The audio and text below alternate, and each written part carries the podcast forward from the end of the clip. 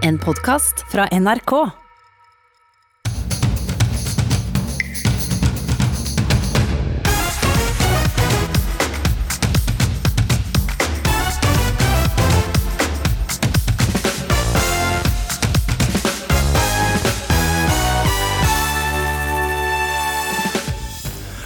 Nordmenn får snart lov å reise til Syden igjen, mens svenskene føler seg både uglesett og utelatt. Til ukeslutt kommer turisten, svensken og forbrukereksperten. Og sommeren er høysesong for drukningsulykker. Vi hører fra tenåringen Alexandra som reddet livet til en mann som holdt på å drukne. en kvinne og, og ropte 'hjelp han, hjelp han drukner'. Jeg handla på refleks og gikk nedover, hoppa ut i vannet, rakk bare å ta av meg skoene. Og norske troll støver ned i butikkhyllene, for sånne suvenirer vil visst ikke norske turister ha. Men hva med et stykke elgbæsj? Her kan du også få en eh, truse med påskriften 'Trollpikken' på. Eh, og det kan jo være en liten eh, artig eh, suvenir å ha med seg hjem. Vi ser nærmere på noen av Norges mer kuriøse suvenirer. Du hører på Ukeslutt, og mitt navn er Philip Johannesborg. Jeg skal være med deg helt frem til klokken 14 i dag, men før den tid så skal du også få høre at spreke Trude Drevland har søkt om plass på omsorgsbolig. Men før alt dette igjen, så får du sangen You Sang To Me med Mark Anthony.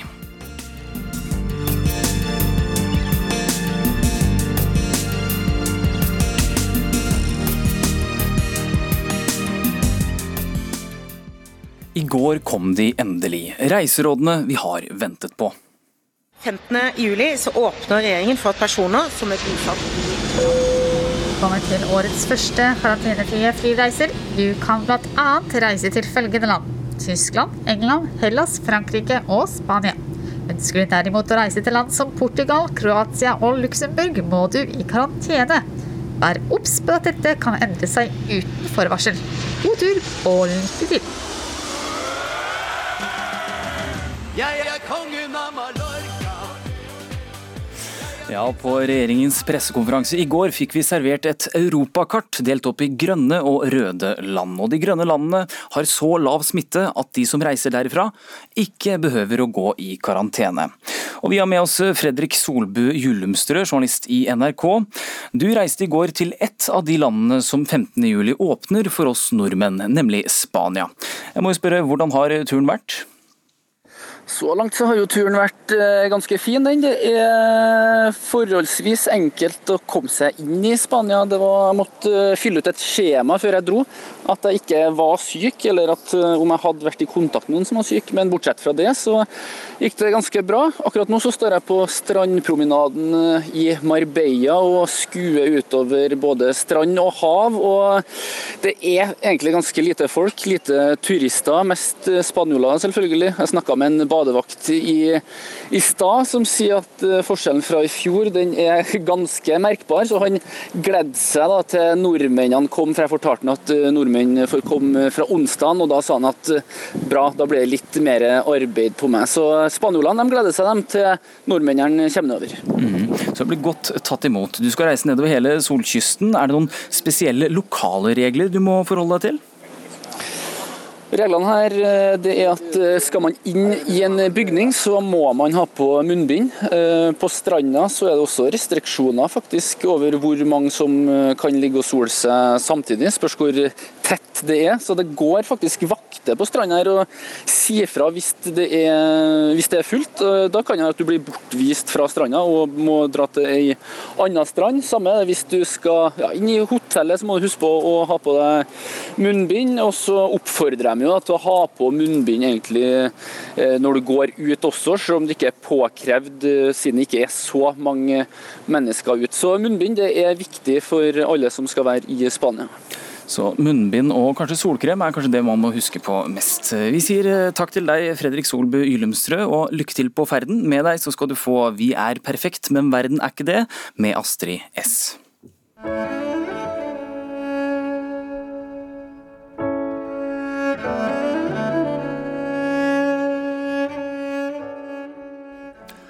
Fra 15. juli kan vi altså reise til flere steder uten å måtte gå i karantene. Men vi har mange spørsmål, og derfor er du her, Karoline Skarderud. Du jobber i avdelingen forbrukerdialog i Forbrukerrådet. Velkommen. Takk for det. Tar jeg feil om Forbrukerrådet har mer enn nok å gjøre? Du tar ikke feil. Vi har nok å gjøre, ja. Ja. Helt riktig. Hva er, det, hva er det vi absolutt trenger å vite før vi legger ut på tur nå? Det er viktig å sjekke litt rundt, rett og slett. Både med forsikring, eh, UD sine reiseråd og hva som gjelder i hvert enkelt land. Eh, For det er jo variasjoner lokalt også. Mm. Lokalt også.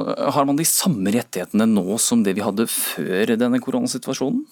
Man har i utgangspunktet det hvis man bestiller reiser til eh, disse grønne landene, Eh, men det er jo viktig å huske på at eh, situasjonen kan endres raskt, og at man bør dobbeltsjekke alt som dobbeltsjekkes kan.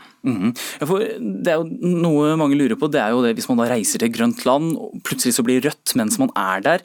Hva burde man gjøre da?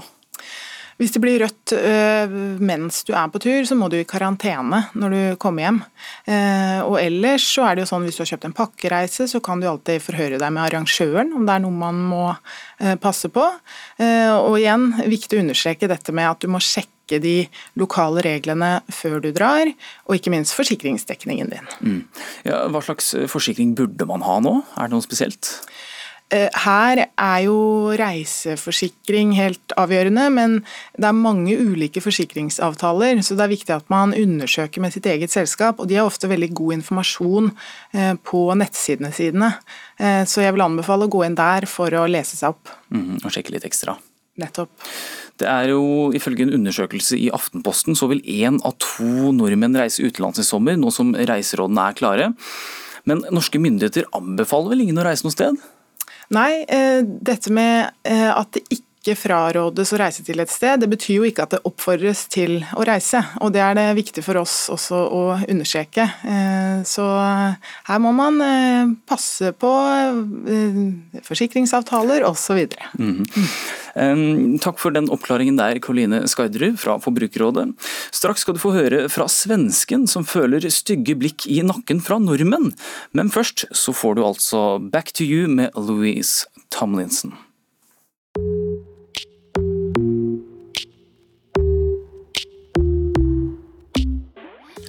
I går kom den sviende beskjeden om at det kun er den aller sørligste delen av Sverige som åpner opp for norske turister. Resten av landet står i kulden, for reiser du dit, blir du satt i karantene på vei tilbake. Men hvordan er det egentlig å være svensk akkurat nå?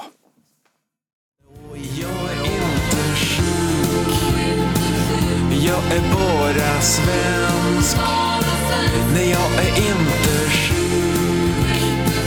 För jag är bara svensk Ja, det var akkurat eh, disse ordene som toppet din ytring på nrk.no i går, Madeleine Cederstrøm. Ja, det er helt riktig. Ja, du er programleder i NRK Innlandet, både P1 og P1 og du er svensk, men har bodd i Norge i 34 år.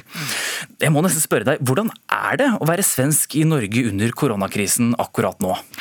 Ja, det er jo, som for alle andre, så er det jo en absurd situasjon. Men det er klart at det, det er jo en veldig spesiell situasjon at just Sverige har gått en så annen vei enn resten av verden.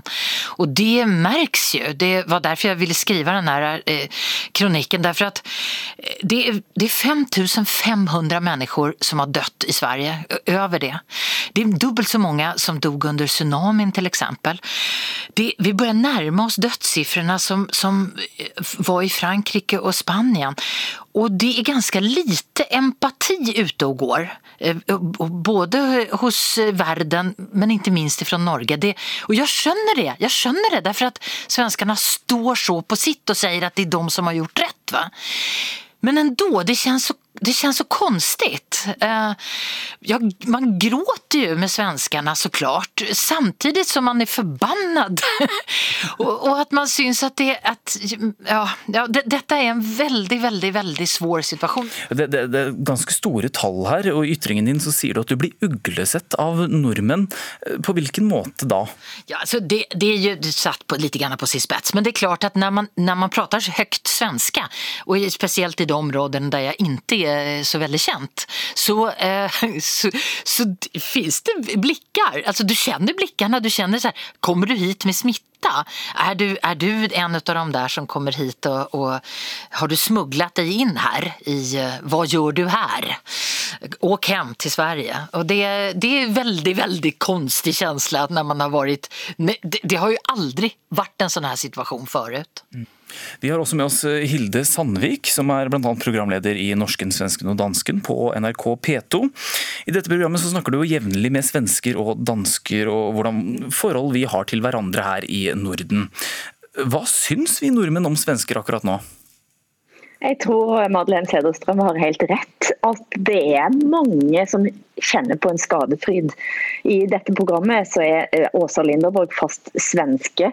eh, Og hun sa på et tidspunkt at jeg lengter etter er, men er, ni lengter ikke etter meg. Altså den der.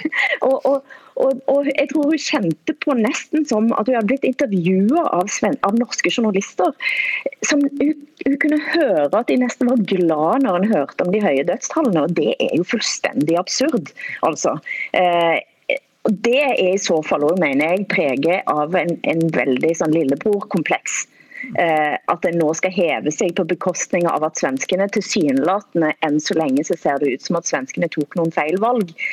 Og jeg må innrømme, jeg har jo veldig ofte vært den som kritiserer svensk strategien, men nå er det nesten sånn at jeg inni meg har noen som bare sitter og heier og håper at i det lengste så er det sånn at svenskene får rett likevel. Ofte så er det sånn at Sverige har rett i et 400-årsperspektiv. Eh, og- og det liker svenskene, like svenskene å tro om seg selv òg. At de har rett, og de vet best. Men er, er svenskene litt snurt her, rett og slett, Hilde Sandvik?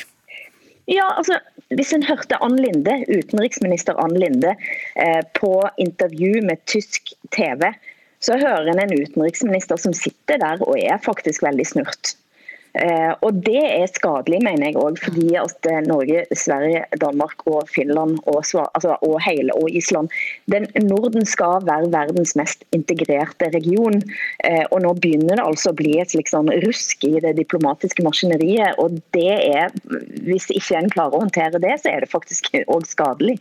Ja, Cederström, hva er det du tenker om det Hilde Sandvik sier her? Nei, men det er jo det. Det er, det er en väldigt, ko- det- det är, eh, Tidligere så har vi nabbats og det, det er kul, det er skojigt. Men nå handler det om at man mäter seg i dødstall, og det er fruktansvært.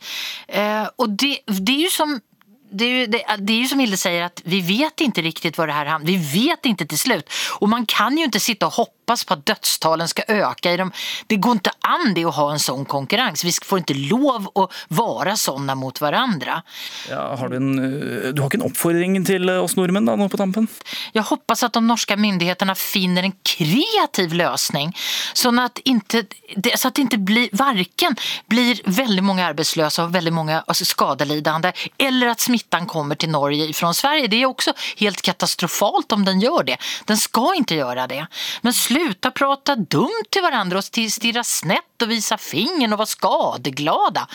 Det er jo helt forferdelig. Mm. det går, det går jo ikke. Men det, jeg tror jo at selvbildet i Sverige er i ferd med å bli et litt annet i øyeblikket. Eh, det er en eh, forsker helt på tampen kan jeg si, Gina Gustavsson eh, i statsviter, svensk statsviter som har sett på selvbildet svensken har av seg selv. Svensken er veldig stolt av å være svensk, ikke fordi en har god kultur eller er opptatt av, av det, eller av svenske verdier, men rett og slett en er stolt av kompetansen. Ja. Og det er det jo som blir pirka ganske grundig i i øyeblikket. Veldig. veldig. Svenskene har alltid trott som sagt at de har rett i et 400-årsperspektiv. Men det, vi har ikke råd, vi kan ikke vente så lenge. Det går ikke an altså. Ja, da, vi får vente og se tror jeg, om dette avstandsforholdet kommer til å holde i lengden. Takk for at dere var med oss her i Ukeslutt. Skal ta veten på strak arm, sjøl om høsten var ekstrem.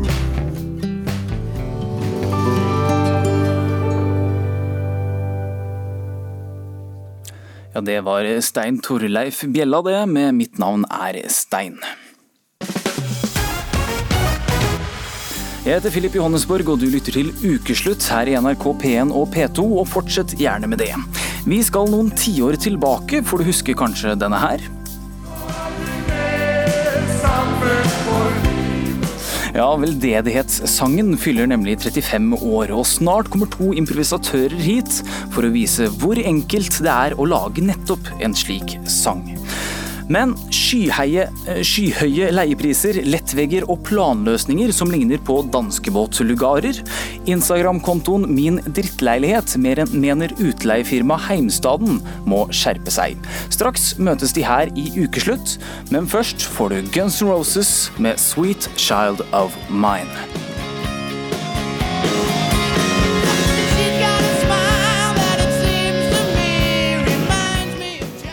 Mange er på leting etter et sted å bo til høsten, men i Norges største byer er leieprisene ofte litt for høye.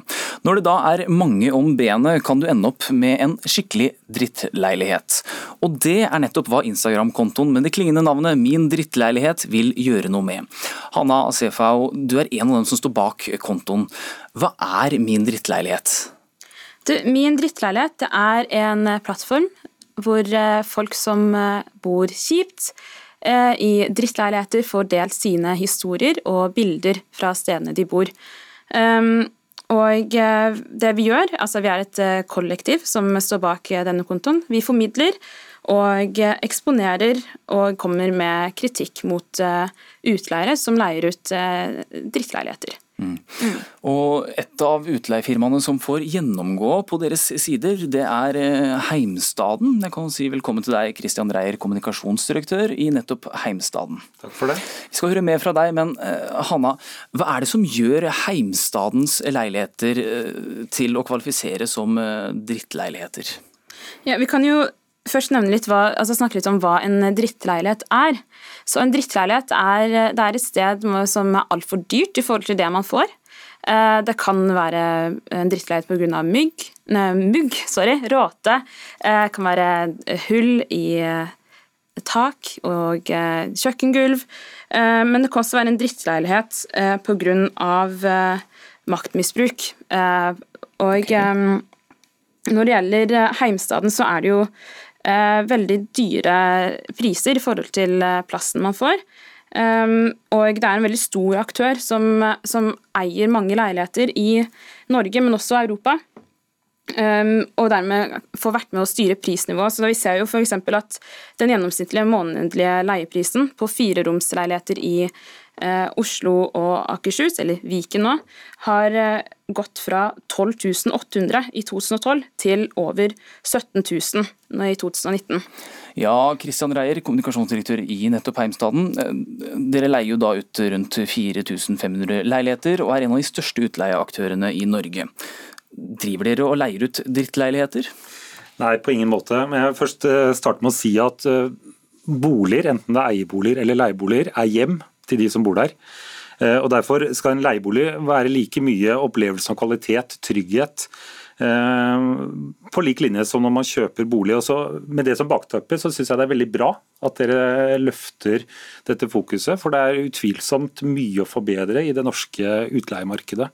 Så det støtter vi. Vi trenger forbrukerstemmer som sier fra når ting ikke er bra nok. Så stor kreds til eh, initiativtakerne bak at man setter dette søkelyset.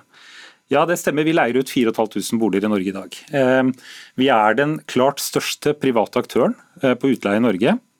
Eh, likevel så leier vi ut ca. 1% av de utleieboligene som finnes i Norge for tiden. Og Daglig så jobber vi for at våre boliger skal være gode hjem. Vi har kundemålinger som bekrefter dette. Vi har som, som, bekrefter at de trives med å bo hos oss. Men det strukturelle problemet i det norske utleiemarkedet i dag, det er den store andelen private som leier ut. Og Dette har jo Leieboerforeningen gjentatte ganger løftet, som vi støtter dem i. At eh, i motsetning til alle andre land vi har representert, så er det mangel på eh, seriøse, profesjonelle, langsiktige Eh, selskap som oss, som ønsker å skape gode kundeopplevelser i hverdagen for de som bor der. Men det er jo ikke til å komme unna at eh, akkurat Heimstaden er jo godt representert da, på denne min drittlærerkontoen? Jeg tror nok at uh, markedskraften er jo slik at når du er klart størst, så vil du også få en representativ andel av dette.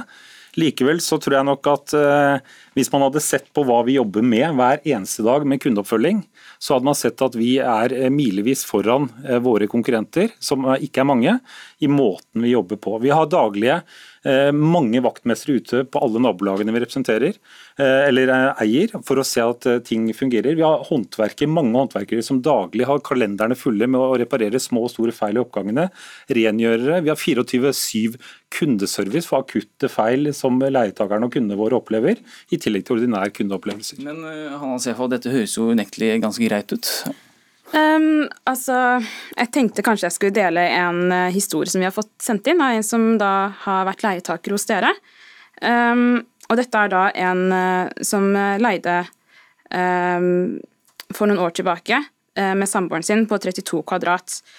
Og hun skriver det var skikkelig dårlig vedlikeholdt, møblene som fulgte med var kjempeekle og luktet surt. Sendte melding og spurte om vi ikke kunne kaste møblene siden de var så ekle. Nei, det kunne vi ikke, ikke ville de fikse skade på bordinn heller, vasken på kjøkkenet var ødelagt, kjøleskapet hadde sagt ha det bra før vi i det hele tatt begynte å bruke det, malingen flasta av på alle lister og vegger, så vi bestemte oss for å bare flytte alt som fulgte med i boligen, ned i boden vi disponerte. Samboeren min er tømrer, så vi pustet opp boligen, malte og ordnet alt som var ødelagt på egen regning for å kunne bo der. Vi hadde tross alt en treårskontrakt. Det siste året begynte vi å høre fra naboer at de hadde begynt å kaste ut folk på falske beskyldninger osv. For å bli kvitt folk de ønsket å øke leien for nye leietakere. Mm. Ja, Kristian Rei, det her høres jo ikke bra ut, da? Nei, det, det, er ikke noe tvil om at dette ikke høres bra ut. Jeg er helt enig. og Hvis dette Eh, er riktig, så er det eh, overhodet ikke bra nok fra vår side. Men, men, bare for å si det med en gang, det er ingen som kastes ut eh, hos oss. Hos folk får bo der så lenge de ønsker.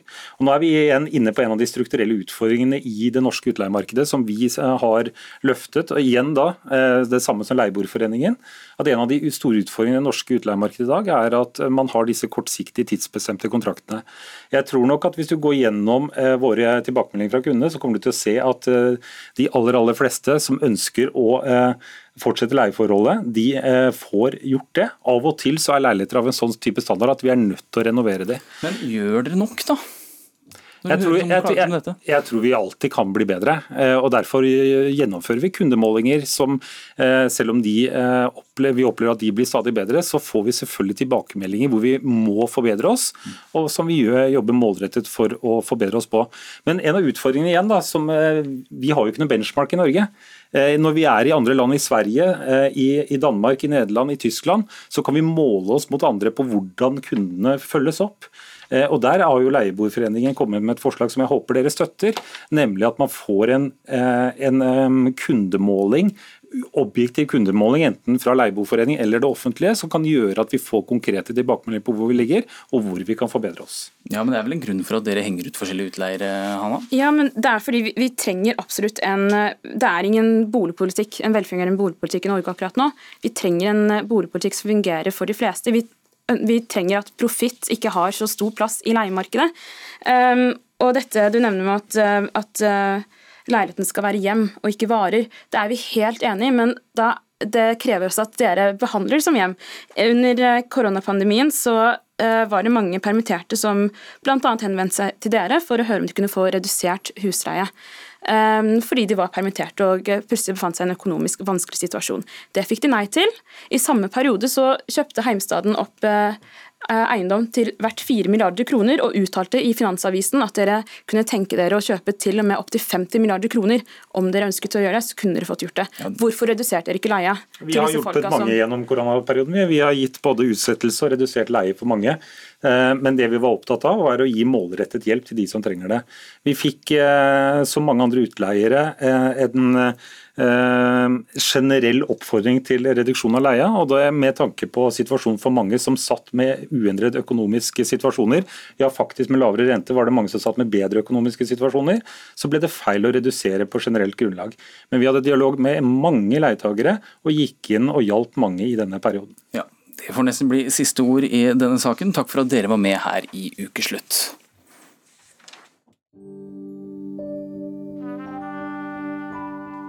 Nå skal vi høre På vei med Adrian Jørgensen. Jeg husker den dagen du sa du måtte dra.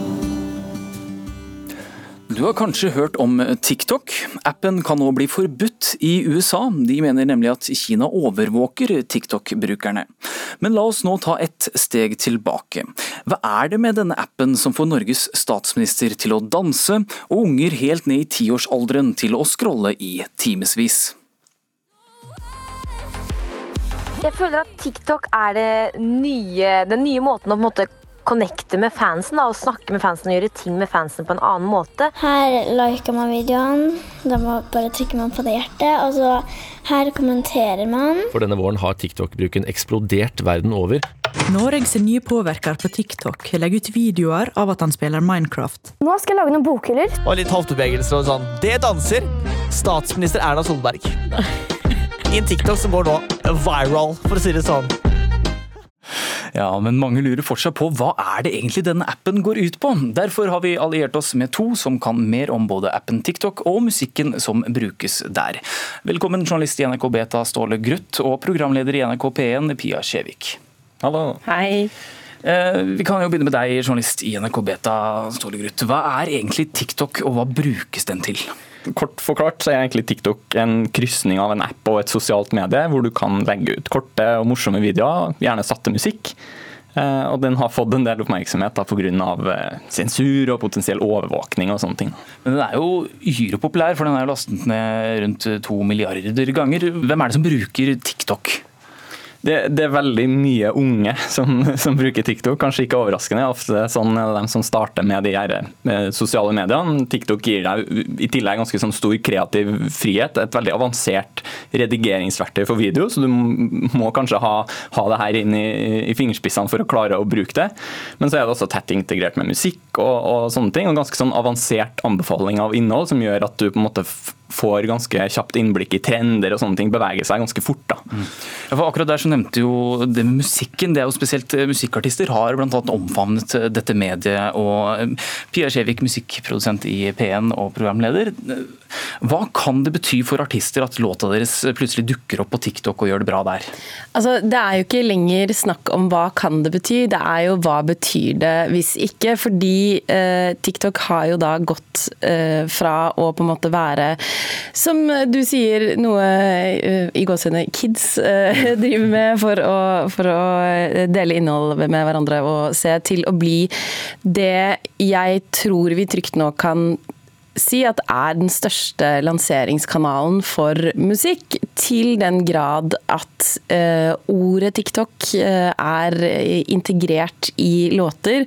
Beyoncé hadde en, uh, en, låt for ikke så lenge siden hvor hun da sier 'my hips TikTok'. Altså, og når Queen Bee på en måte anerkjenner TikToks eksistens, så er det absolutt kommet for å bli. og ekstremt viktig. Vi kan også si at Drake lagde en, en låt Eh, hvor han i sangteksten i refrenget har en dans integrert. Han forteller via refrenget hvordan du skal gjøre den dansen, og ikke overraskende ble jo det en giganthit på TikTok. Så eh, artistene tilpasser rett og slett eh, låtene etter TikTok-mediet? Ja. Ja. Slik har det blitt. Hvordan er disse dansene, da? Nei, altså Det varierer jo. Det er jo fra uh, Personlig så har jeg kun vært med på de aller, aller aller enkleste etter hardt press fra mine barn. Uh, og de, de, går på at man står rett opp og ned, godt plantet, vaier litt fra høyre til venstre, og så i en takt som man hører fra telefonen, så beveger man armene i et rytmisk mønster. Og det er jo på en måte helt sånn TikTok for for de enkleste. Og så er det veldig mye mer avanserte danser som, som altså får hjernen min litt til å smelte. Eh, hvor det går, det går, det går veldig fort, og det er mange elementer. Og, men det ser, det ser, kult ut, og det er en slags, det er en slags omfavning av rytme som eh, jeg føler at vi har til gode å ha sett noe annet sted. Ja, for det, det, skaper engasjement rett og slett, blant de som uh, bruker appen? Absolutt. Og, folk, uh, og det som på en måte er liksom fint uh, Nå er det jo sånn at vi har jo på en måte, og alle bruker for mye tid på telefonen sin osv. Men eh, det som er positivt med TikTok, da, er jo at eh, ungdom, ungdommen har gått fra å sitte og scrolle tanketomt på Instagram og sammenligne seg med andre som de på en måte ikke har forutsetninger til å være som, til å finne sammen og stå hjemme og øve på danser. Mm. Så det er jo på en måte jeg, litt sånn fint i det, da. Mm. Hvem er det som har utmerket seg i Norge da, spør begge? Nei, altså det er i hvert fall vi, vi har kikka en del på det her når det begynte å, å ta av egentlig med TikTok i Norge i, i, fjor. og Da så vi at Alan Walker og Marcus og Martinus og Rora, sånne kjente artister, de hadde en del sånn samarbeid også direkte med TikTok. Mye sånn challenges, altså utfordringer du skulle gjøre med å altså, sparke av korka på en flaske eller liksom sånne ting. Satte noe musikk, kanskje, en sånn ting. Så, så, en del norske artister som har vært eh, egentlig i tett samarbeid med, med TikTok internasjonalt. da. Men også masse vanlige norske tenåringer som har fått liksom millioner av følgere. Ei som heter Emilie Lane, som har blitt superpopulær. Og det, det, er på en måte også vanlige folk. da. Men jo TikTok eh, er jo bl.a. forbudt i India og granskes av USA og EU. Eh, hvorfor det? Altså det er litt forskjellig det her med Granskningene ser vi i hvert fall i Europa. Det er veldig mange datatilsyn som nå er, er nysgjerrig på TikTok og hva de gjør med brukerdata, spesielt fra, fra, unge, siden den er populær blant unge. Eh, de indiske myndighetene mener at eh, brukere overvåkes, og at det er rett og slett en trussel mot nasjonal sikkerhet. Mm. Og det, det, her argumentet ser vi også i USA, som har tidligere kasta ut flere kinesiske aktører fra, som driver med teknologi og sånne ting. Og, og nå er også TikTok kanskje muligens det neste. da. Mm. Men i Norge så har man ikke gransket denne appen enda? Nei, eh, det viser seg at eh, Datatilsynet f.eks. Eh, sitter litt på gjerdet, og det gjør egentlig stort sett alle også andre myndighetsaktører fra, fra, Norge.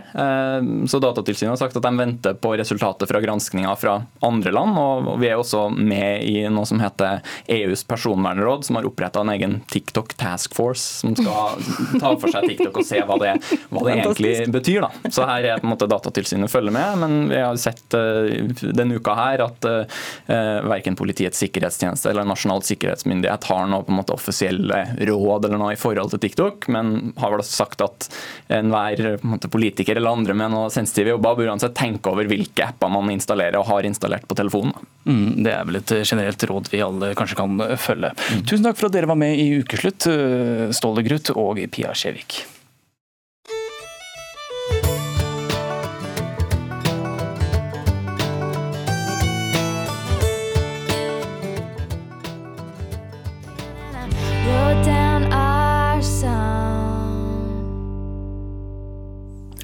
Det var Taylor Swift med Our Song. Sommeren er jo sesongen for bading, men det er også årstiden hvor flest drukner i Norge. Bare i juni i år mistet 15 personer livet som følge av nettopp drukning, og det er seks personer mer enn juni i fjor.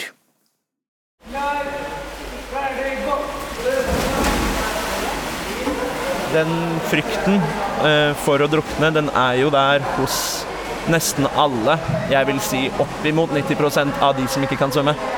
Eh, fordi det er jo Hvis man ikke kan svømme, så føler man seg ikke trygg. Og hvis man ikke er trygg, så får man gjerne panikk. Og hvis man har panikk, så kan det gå dårlig i vann. Eivind Fossmark har vært svømmeinstruktør ved Oslo idrettskrets svømming i ni år. Han er en ekspert på hvordan å gjøre uerfarne svømmere tryggere i vann. Det er jo en tendens med barn som kommer og sier at de er redd for å drukne. Og da er det rett og slett det å berolige dem med å si det er jo derfor du er her. Det er jo her vi skal lære oss å svømme. Det er jo her vi skal lære oss å bli trygge i vannet. Vann er ikke farlig. Det er ikke det. Juni i år var en av de verste månedene de siste årene med tanke på drukningsulykker i Norge. 15 personer mista livet til sjøen. Til sammenligning var tallet ni samme måned i fjor. En 14 år gammel gutt døde i ei drukningsulykke på Folderøyvatnet. 22 år gammel kvinne fra Bardu døde i Salangselva søndag. I går druknet altså en mann eh, i elva ved Hønefoss. I dag finnes det ingen statistikk på hvor mange av dem som drukner som er svømmedyktige. Det hadde absolutt vært interessant å se nærmere på det. Det her er Tanja Krangnes. Hun jobber for Redningsselskapet og er seksjonsleder for fagområdet drukning. Vi har hatt drukningsstatistikk eh, nå siden 2017 og eh, registrerer en rekke variabler på hver ulykke. Men eh, for å vite noe om svømmeferdighet, så må man jo gå inn på hver ulykke og sånn sett finne informasjon der, og det har vi ikke hatt kapasitet til. Hun sier at man likevel vet at flere av dem som har drukna i Norge, ikke kunne svømme. Vi vet at flere av de som har drukna, ikke har kunnet svømme, eller at de har hatt ganske dårlige svømmeferdigheter. Og da kanskje særlig i forbindelse med ulykker som skjer under eh, bading. Bare i løpet av første halvår i år har 45 personer drukna i Norge, og i hele fjor mista 86 personer livet som følge av drukning. Takket være 18-åringen Alexandra Sypien ble ikke tallet 87. Jeg var her med noen kompiser. Vi satt faktisk på den steinen borti her. Og så var eh, familien eh, opp, oppå på de steinene der. Og eh, så kom eh, en kvinne og, og ropte 'hjelp han, hjelp han drukner'. Det var her, på Engersandstranda utenfor Drammen, at Alexandra redda livet til mannen i 40-årene i fjor. Det ble en dramatisk opplevelse. Han var egentlig på den brygga der, og så tok strømmen han bortover dit. Han var veldig langt uh, ute i vannet, det var han. Sjøl om Alexandra aldri har deltatt på noen livredningskurs, så visste du hva hun måtte gjøre. Og da var livbøyla på det treet her. Da tok jeg den bare, jeg handla for refleks og gikk nedover og hoppa ut i vannet. Rakk å bare å ta av meg skoene og svømte bort til han da. Da tok jeg, ba jeg han eh, prøve å hjelpe meg å svømme litt, men eh, han sa han ikke hadde krefter. Så måtte jeg klare ham på egen hånd. Så jeg ble veldig sliten, begynte å bli litt bekymra om meg selv. da. Og visste ikke hvordan jeg skulle klare meg, men eh, heldigvis så kom det to menn ut i vannet. Hun, eh, kona hadde da ropt på flere folk som kunne hjelpe meg. Det var først etter at du kom på land igjen at du egentlig forsto hva som hadde skjedd. Rett etter at det skjedde, så ble jeg, satt jeg bare på en stein og bare tenkte bare hva skjedde nå? Jeg kunne jo gått helt, helt annerledes enn det det gikk, da. Mannen Alexandra redda kunne svømme, men likevel så holdt det på å gå galt. Ja, han kunne svømme, men som jeg husker det, så hadde han trent noen dager før, så han var veldig støl i musklene. Og i tillegg til strømmen og bølgene, så bare sleit han i å komme seg ut. Han hadde bare ikke krefter. Den unge redningskvinna har verken før eller senere vært delaktig eller vitne til en lignende situasjon. Jeg var jo ganske imponert over meg selv, for å være helt ærlig. Jeg var, jeg var liksom Jeg var veldig glad for at jeg klarte det, og at det ikke skjedde noe Siden den første livbøyen ble utplassert av Trygg i 1952, så anslår forsikringsselskapet at mer enn 1000 liv har blitt berga. Alexandra er sikker på at livbøyen som var på stranda, var avgjørende for at hun klarte å redde livet til mannen. Det var kjempeviktig. Uten den hadde jeg jo ikke klart å få han inn. da. For med en gang jeg sendte til han, eh, denne livbøyla til han, så kunne han eh, legge seg oppå den og hvile. da. Men det ble jo mye vanskeligere for meg. For jeg var, hadde jo ikke krefter nok til å dra inn en mann alene under så mye strøm. Tilbake ved bassenget i Sogn Bad står Eivind Fossmark og følger nøye med på svømmekursdeltakerne. Han forteller at han har hatt personer i alle aldre på kurs. Jeg har hatt eh, flere voksne på kurs.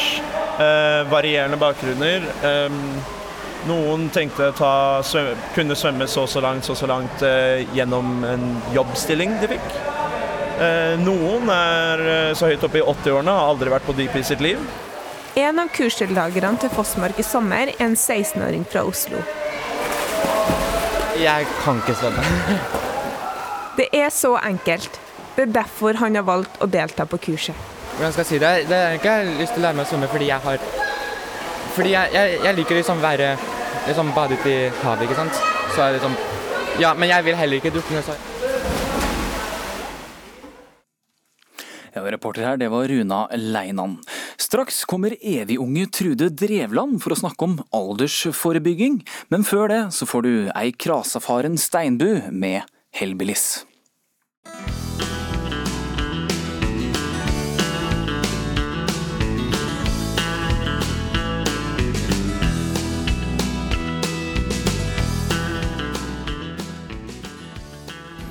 Ei krasafaren steinbu der, altså. Mange frykter og skammer seg over å bli gamle, men ikke eksordfører i Bergen Trude Drevland. Denne uken kom nyheten om at den spreke 73-åringen nå har søkt om omsorgsbolig. Kanskje ikke noen ville trodd om den virile kvinnen med nesten 40 000 Instagram-følgere og en nylig Skal vi danse-deltakelse. Trude Drevland, velkommen til ukeslutt. Takk skal du ha. Ja, nå har du altså søkt om å få leilighet i en omsorgsbolig, og da spør jeg jo rett ut, er du blitt gammel, Trude Drevland? Jeg er i hvert fall blitt i høy alder, og, har, og skammer meg ikke over det i det hele tatt. I tillegg så leder jeg Råd for et aldersvennlig Norge, og er veldig klar over at vi blir veldig mange flere godt voksne mennesker i de nærmeste 10-20 årene.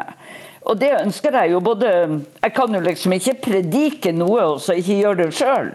Så da er det viktig å ha alt på, i orden sjøl når jeg reiser rundt og forteller at man må forberede seg på at det kommer en alderdom. Alternativet er mye verre.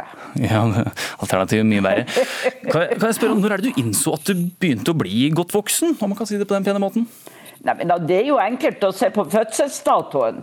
Og, og jeg har jo egentlig den samme litt sånn engstelige lille redselen fordi at det å bli gammel skal bety at jeg ikke har kontroll på livet mitt. Eh, og, og jeg ønsker jo i hvert fall, når jeg har mulighet til å ha best mulig kontroll. Eh, For det vi skal, ikke skal glemme i dette, er jo at vi er enkeltindivider. Alle vi eldre også. Og vi vil, definere, vi vil ikke defineres av hvor gammel vi er. Men vi er nødt til å se i øynene at vi er nødt til å forberede oss mye, mye bedre enn det jeg tror mange har gjort. Mm. Ja, for, hva er grunnen til at du nå har søkt om omsorgsbolig, da? Det er fordi Altså, også veldig mye fordi at jeg ønsker i grunnen ikke at ungene mine skal være bekymra for hva som skal skje. Jeg ønsker at de skal ha en viss forutsigbarhet i hva jeg vil, hvor jeg vil. Og så kan det jo skje ting, faktisk, som vi ikke har kontroll over. Men det kan jo skje uansett alder. Men kanskje spesielt når man er godt over 70. Ja, Vi har også med oss eh, Runar Bakken. Du er dosent emeritus ved Universitetet i Sørøst-Norge og har også skrevet boken 'Frykten for alderdommen'. Ehm, velkommen til deg. Takk skal du ha. Finnes det en frykt i det å eldes? Ja, eh, jeg tror det er eh, å si, historieløst. Altså, jeg tror det har vært sånn til alle tider. Det er en sammenheng mellom frykt og skam her som jeg syns Men jeg må først si at jeg syns det er ufattelig flott av Trude eh, Drevland å skulle å gjøre det hun gjør, og gå ut med det. Fordi det tror jeg er, bidrar til å bryte ned, da. Bryte den ned. Ja, ikke bare frykten, men bryte ned noe av den skammen som jeg tror mange flere opplever ved det å eldes og se og se at uh, livet Altså det er færre år foran enn det som er bak oss. Mm. Ja. Og det som, det som, vel også er en realitet, om jeg får lov, det er jo at vi, vi vil helst utsette og tenke på ja. at vi trenger noe når vi blir eldre. Og jeg ønsker jo å, å vekke befolkningen, uansett hvor de befinner seg, både åndelig og ellers, for å si at når vi blir så veldig mange flere eldre, så er det jo også forskningsmessig sagt at vi kommer til å være mange eldre, og vi kommer til å være friskere. Men vi eh, har jo aldri noe garanti. Det vi i hvert fall har noe garanti for, er at vi blir så mange som skal dele på mindre. At vi må regne med at vi må klare oss mye lengre der vi bor. Og da må vi realitetsorienteres. Uansett hvem vi er. Mm. Ja, og vite at å forberede seg er ikke pinlig eller flaut. Det er faktisk klokt. Hvis jeg kan få lov, fordi at du, så vidt jeg skjønner, så har du eh, at du skammer deg ikke over det, sier du, og det syns jeg er fint. Eh, samtidig som jeg tror kanskje flere skammer seg enn man liker å tro. Fordi over det å bli gammel, og som av den grunn utsetter å ta den type radikale grep som det du har gjort. Jeg, jeg forbinder det ikke med skam. Jeg forbinder det veldig ofte med en slags uh, intens frykt ja, over at ting forandrer seg. Ja. En, en, redsel for å gå inn i det og bruke hverdagen til fordi man ser det som negativt. Men det er jo ikke negativt å ha lagt til rette hjemme å, ha, å vite at man bor godt. Vi har gjort valg hele livet. Hvor skulle vi utdanne oss? Hvor skulle vi bo? Hva vil vi bli? Det er klart Vi må også ta i egne hender. Hvordan vil vi leve? Og så kommer det som kommer, når det gjelder både muligheten for pleie og omsorg, alt dette. Det Mm. kommer når det må komme. Men vi må ta det i egne hender, vi må realitetsorientere oss, og vi må ta fatt i det faktum at vi har noen år hvor vi skal leve så godt vi kan, og vi kan påvirke det som enkeltindivid. Å snakke, det tror jeg dere kunne gjort i en lang stund. Dere får heller ta denne praten via telefon. Ja, det å føle seg jevnaldrende med seg selv er kanskje noe vi alle sammen må jobbe med. Tusen takk for at dere var gjester her i Ukeslutt, Trude Drevland og Runar Bakken. Lately, I've been, I've been thinking. I want you to be happier. I want you to be happier. When the morning comes and we see what we've become. Det var Marshmallow og Bastille med 'Happier'. Troll med bustete hår, lange neser og store smil står og støver ned i butikkhyllene i Oslo sentrum.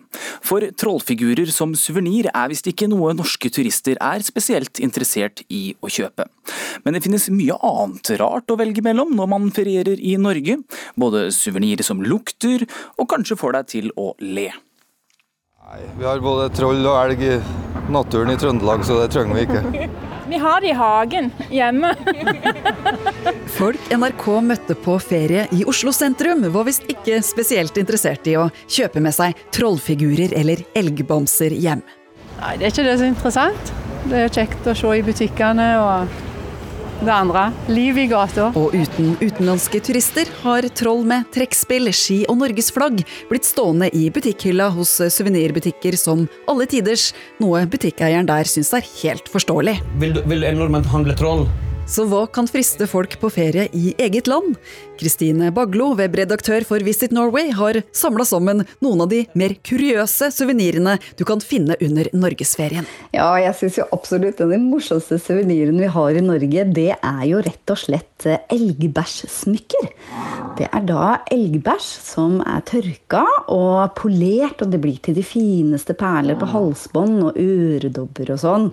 Og så har du også eh, På Osteriet Samnanger kan du da få kjøpt budeieluft hvis du da savner duften av ekte norsk seter. Det inneholder da eh, duft av turtøy, spekepølse, kuhår og ost. Hvis du er glad i sterke saker, så er det jo absolutt også å anbefale seg å få med seg litt tørrfisksnacks fra Lofoten. Det er en veldig populær suvenir. Eller du kan til og med kjøpe deg en sånn tørket breiflabbkjeft. De er jo sånne svære monstrende dyr med tenner, sånn sprike, som du kan da pynte hytta di med. De dufter litt, så de ville jeg hatt ute. Du, eh, Ordet suvenir det eh, kom inn fra fransk souvenir eh, med OU. Og det var jo faktisk òg den gamle skrivemåten, men det er jo ikke lov lenger å skrive verken i nynorsk eller i bokmål, så nå er det med, med U-suvenir. Språkprofessor Gunstein Akselberg tar oss med tilbake til slutten av 1700-tallet, da det ble snakk om å ta med seg et minne hjem fra dannelsesreisen. Og eh, fordi at turismen da utvikla seg mer og mer i det hundreåret, så hadde da behov for oss å ta med seg tilbake igjen noe som da kunne friske opp minnet. En suvenir skulle etter hvert også vise andre hvor vi har vært, og alt fra dukker til fat og fine postkort har blitt satt eh, synlig frem i stua. Jeg vet ikke hvor vanlig det er nå, men eh, ja, for en del år tilbake så var det det som hengte opp store tavler med postkort hjemme. Enten i gangen eller inne i stua eller på et rom eller hva det måtte være. Å kunne vise fram. Ja. Mm, for, ja, for det var som sagt en dokumentasjon, men det også dette med å vise fram. Se, her var jeg.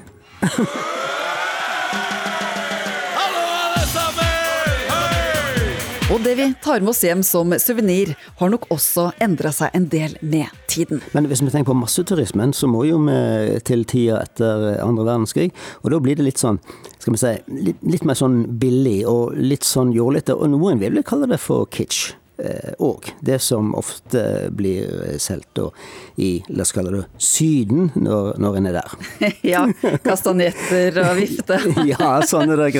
Ja. Da er en liksom i, i denne kitsch-avdelingen. Men kitsch er blitt en viktig del da av uh, suvenirfenomenet. Ja, og man kan jo få kjøpt mye rart eh, av ymse kvalitet. eh.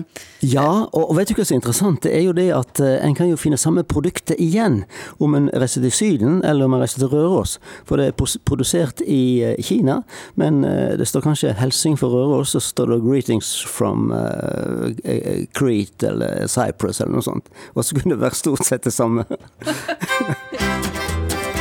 Baglo i Visit Norway har eh, i alle fall alternativene klare for de som ønsker seg noe litt utenom det vanlige. Nå er det kaldt, så kan du jo eh, kjøpe med deg en sånn drikkevott i tovet ull. Som er formet som en sånn, rett og slett som en sånn ølboks eller flaskeholder. Det er veldig kjekt å ha, da. Og litt lenger sør så er det jo mange som eh, elsker å gå denne Trollpikken. En flott liten tur utenfor Egersund. Eh, Og når du kommer tilbake, så kan du da kjøpe en liten trollpikk i miniatyrstein, som kanskje er litt mer realistisk i størrelsen. Her kan du også få en eh, truse med påskriften 'Trollpikken' på.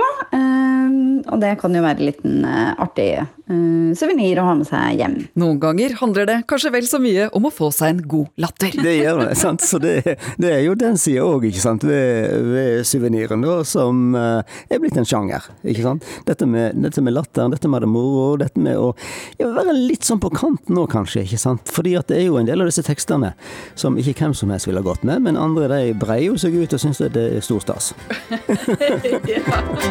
Ja, reporter her, det var Line Forsmo. Og drømmer du om å reise til Sverige? Østfoldingene i CC Cowboys er kanskje det nærmeste du kommer landet i øst i dag. Her kommer sangen Kom deg løs.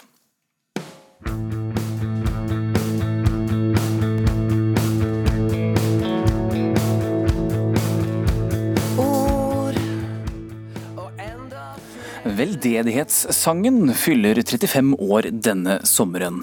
Men hvor vanskelig er det egentlig å lage en sang til inntekt for en god sak? Ina Swann gir deg historien bak veldedighetssangene. Husker du denne? Eller kanskje disse?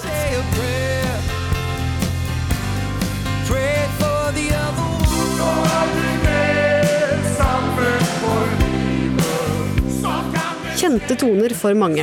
I år fyller nemlig veldedighetssangen 35 år. Du ser kanskje for deg Bjøro Haaland eller Ole Idole som synger hver sin korte tekstlinje med en inderlig mine og hendene på øreklokkene. Det har trolig aldri vært mer hårspai i Rainbow Studio på Torshov i Oslo, da kjente artister møttes for å spille inn Sammen for livet i mai 1985. Et bidrag til det tørkerammede Etiopia. Det er vel en slags solidaritet i det, og så er det også en slags eh, eh, erkjennelse at det har skjedd noe fantastisk. Over roret Åge Aleksandersen og Halvdan Sivertsen. Og dette hadde Sivertsen å si da sangen ble spilt inn for 35 år siden. Denne jorda her vår nå i dag, i, og med at dette har denne artistgallaen, hvis, hvis jeg kan kalle det det, har jo skjedd i, i veldig mange land, og vi er en del av en bølge nå som vi Ja, vi syns det er litt fantastisk, det som er i ferd med å skje.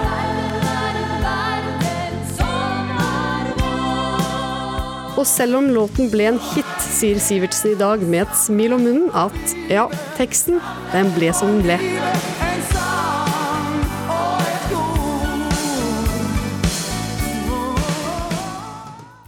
Ja, og straks får vi to improvisatører hit i studio. De skal lage en veldedighetssang på sparket, men de vet ikke hva den skal gå til inntekt for, og heller ikke hvilke av norske artister som skal synge den. Men før det så får du Magic med Coldplay.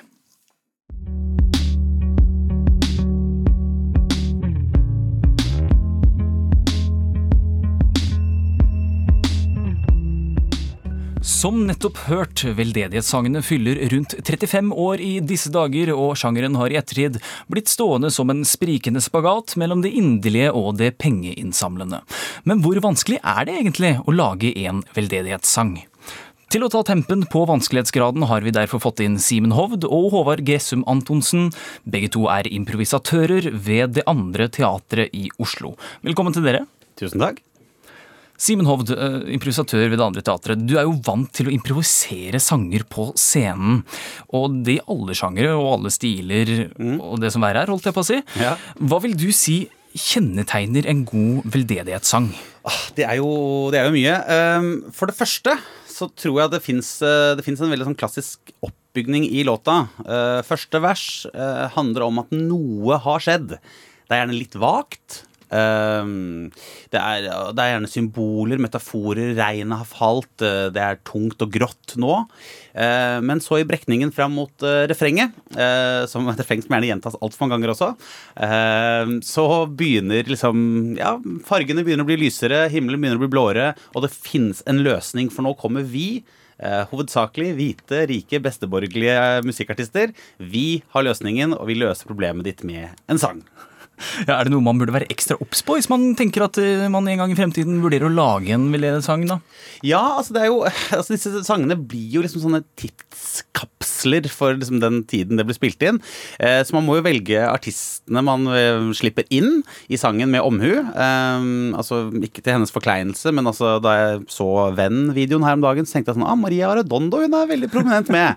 Hun har ikke jeg hørt noe fra på en stund, så det ble litt sånn eh, blast to the past. Og så er det jo viktig også å, å la disse artistene få sine 15 sekunder med fame. De har kun én eller to linjer, så det er ikke rart at de klemmer til litt sånn ekstra når det er endelig deres tur. Altså, de må, de må gi ordentlig godt fra seg for å hus bli husket? er det Ja, sånn? må det altså. Vi er også med eh, deg, Håvard Gressum Antonsen. Eh, Du er improvisasjonsmusiker ved Det Andre Teatret. Musikken er jo ikke mindre viktig, kan man si. Eh, Hva tenker du er typisk rent musikalsk for veldedighetssanger? Altså, Når jeg tenker på veldedighetssanger, så tenker jeg på spesifikt de liksom på slutten av 80-tallet. Og sånn, og da er det jo veldig sånn tydelig sånn eh, sound image eh, på de. Ofte sånn eh, elpianolyder, som for eksempel dette. Absolutt velkjente toner der, altså. ja.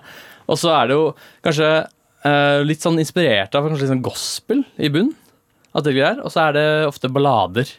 At det er litt sånn eh, en rolig tempo, så alle kan få sin, sin plass til å skinne. Og, ja. Og så ender du i kor. Alltid i kor. Ja, og så må vi ikke glemme eh, hvert fall minst én modulasjon på slutten. Kanskje flere. Kanskje flere. Det er jo ikke uten grunn at vi har bedt dere hit. Vi har nemlig lyst til å teste ut hvor lett det er å lage en veldedighetssang. Eh, altså, derfor har vi gitt dere utfordringen til å improvisere en veldedighetssang her og nå. Eh, jeg har med meg en eh, bolle her. Den er fylt med lapper. Her er det artister som skal være med i denne veldedighetssangen. I tillegg så har jeg uh, noen andre lapper her, som da er tema, altså hva denne veldedighetssangen skal gå til. Jeg tenker at vi kan jo begynne med at du trekker noen um, artister, Simen. Ja, De som er liksom de mest prominente i denne sangen. Uh, hvor mange skal jeg trekke? Fire, tre. Fire. Ok, nå får vi se hva jeg fikk her. Hvor masse. Uh, Freddy Kalas, han er med. Freddy Kalas er med. Kalas er med. Åge Aleksandersen, han er med, selvfølgelig. Eh, Bjørn Eidsvåg. Oi, bare, er det bare menn her? Ja, ja det, de er dårlig representert, de kvinnene. Uh, og Admiral P. Så det er, eh, det er rett og slett gutta, gutteklubben som skal ut og lage låt. Det er, dette blir en herlig miks. Det er en, litt av en bukett. Nå skal dere få et tema for veldedighetssangen. Og da har du disse lappene her å trekke mellom. Okay. Den der blir sikkert fin. Du tok den, ja? Ja. Hva står det der? Eh, Suvenirbutikker som sliter fordi nordmenn ikke vil handle troll og elgeffekter. Eh, Er det rett og slett fordi at eh, fordi utlendingene, altså turistene, ikke kommer og kjøper disse trollene, så, og, og nordmenn kjøper ikke troll? Så det det? hva skal suvenirbutikkene selge når ikke nordmenn vil ha trolleffekter og elgeffekter? Ok, da prøver vi.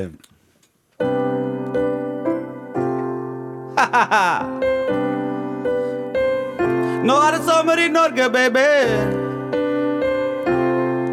Ja, ja, ja. Det skulle ha vært en bølge som flommet over landet vårt. Det skulle være en lang sommerferie, men nå ble den kort.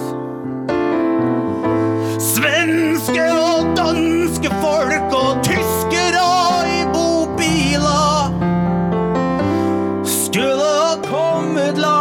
etter og kjørt mange miler. Men nå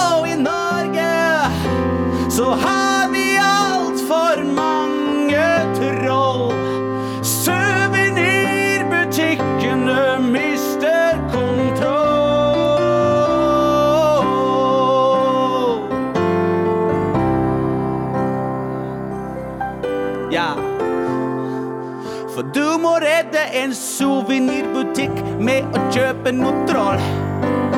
Eller kanskje en statue av en elg. For hvis du ikke gjør det, så får han ikke penger nok til å kunne slappe av når det blir helg. Men vi kan gjøre det for hverandre. Og vi sett kan hjelpe Norge med sang.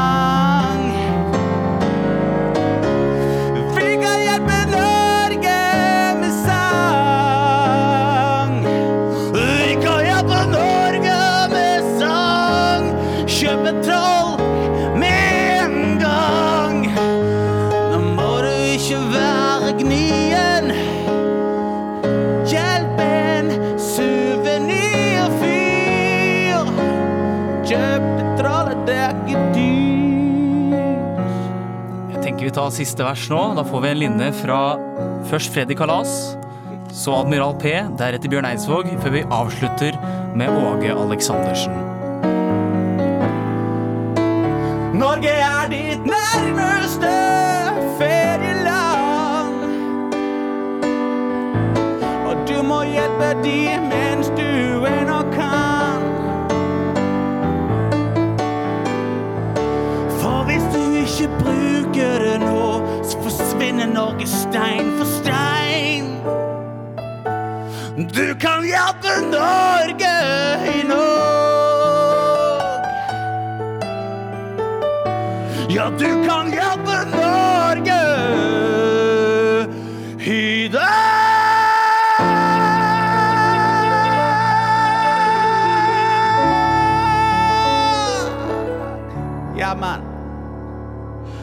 Tusen hjertelig takk til Simen Hovd, improvisatør ved det andre teatret, og Håvard Gressum Antonsen, improvisatør-musiker.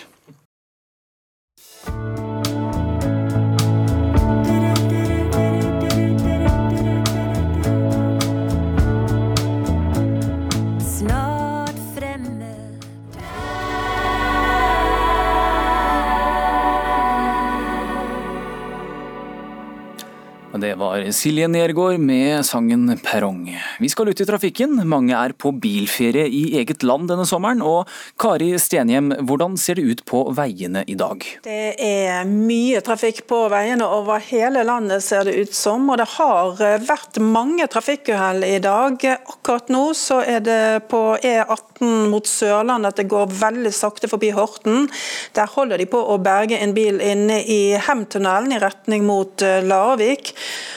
Og I Indre Sogn på E16 i Lærdalstunnelen der har det vært stengt i nesten en halv time nå, rett og slett fordi det går folk inne i den 24 km lange tunnelen.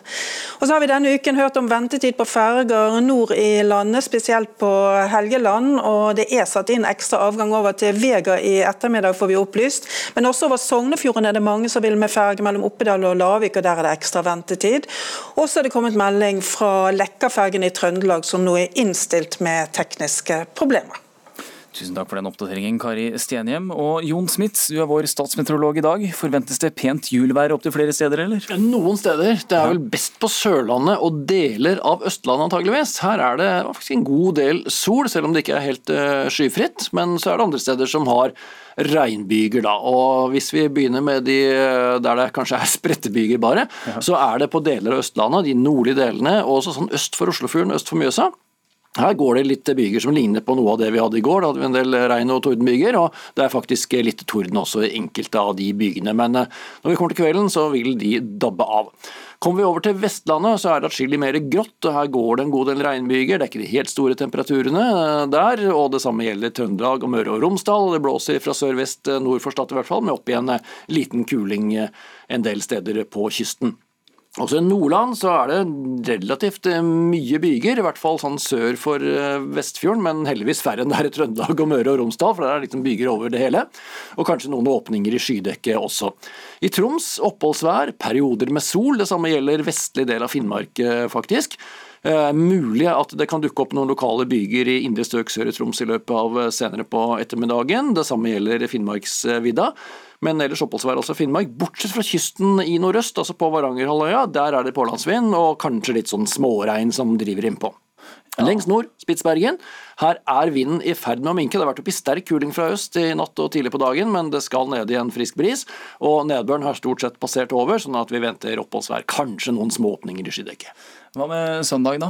I morgen så er det sånn at eh, da blir det oppholdsvær på Spitsbergen, stort sett eh, i hvert fall. Eh, Når det gjelder eh, Nord-Norge, så er det fortsatt dette med litt sånn spredt småregn nord på Varangerhalvøya. Det kan også dukke opp noen regnbyger etter hvert i indre deler av Troms, og også blir det en del regnbyger i Nordland. Så fortsetter det med regnbyger i Trøndelag og Møre og Romsdal, men i hvert fall på kvelden så ser det ut som det blir litt færre av bygene. Også Vestlandet sør for Stad for enkelte byger, da, men oppholdsvær utover ettermiddagen og kvelden. Østafjells, her blir det antagelig helt oppholdsvær, og perioder med sol, og kanskje litt over 20 grader da på de varmeste stedene. Mm, høres ut som en typisk julihelg. Tusen takk for den oppdateringen, Jon Smits.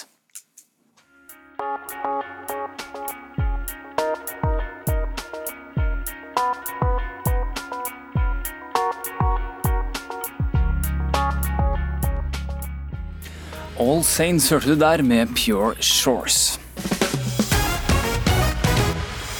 Ukeslutt går mot slutten, og ansvarlig for sendingen det har vært Ina Swann. Teknisk ansvarlig Lisbeth Selreite, og i studio det var meg, Philip Johannesborg. Da gjenstår det bare å si ha fortsatt en strålende lørdag.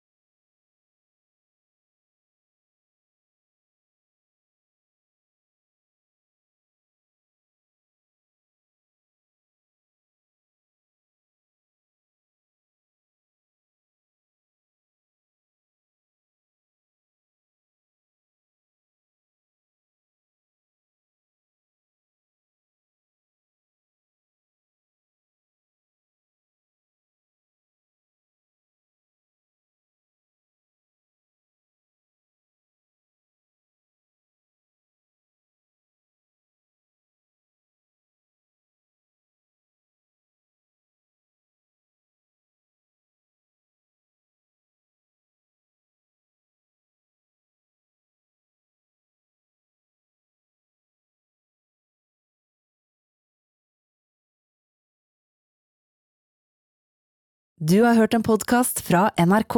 Hør flere podkaster og din NRK-kanal i appen NRK Radio.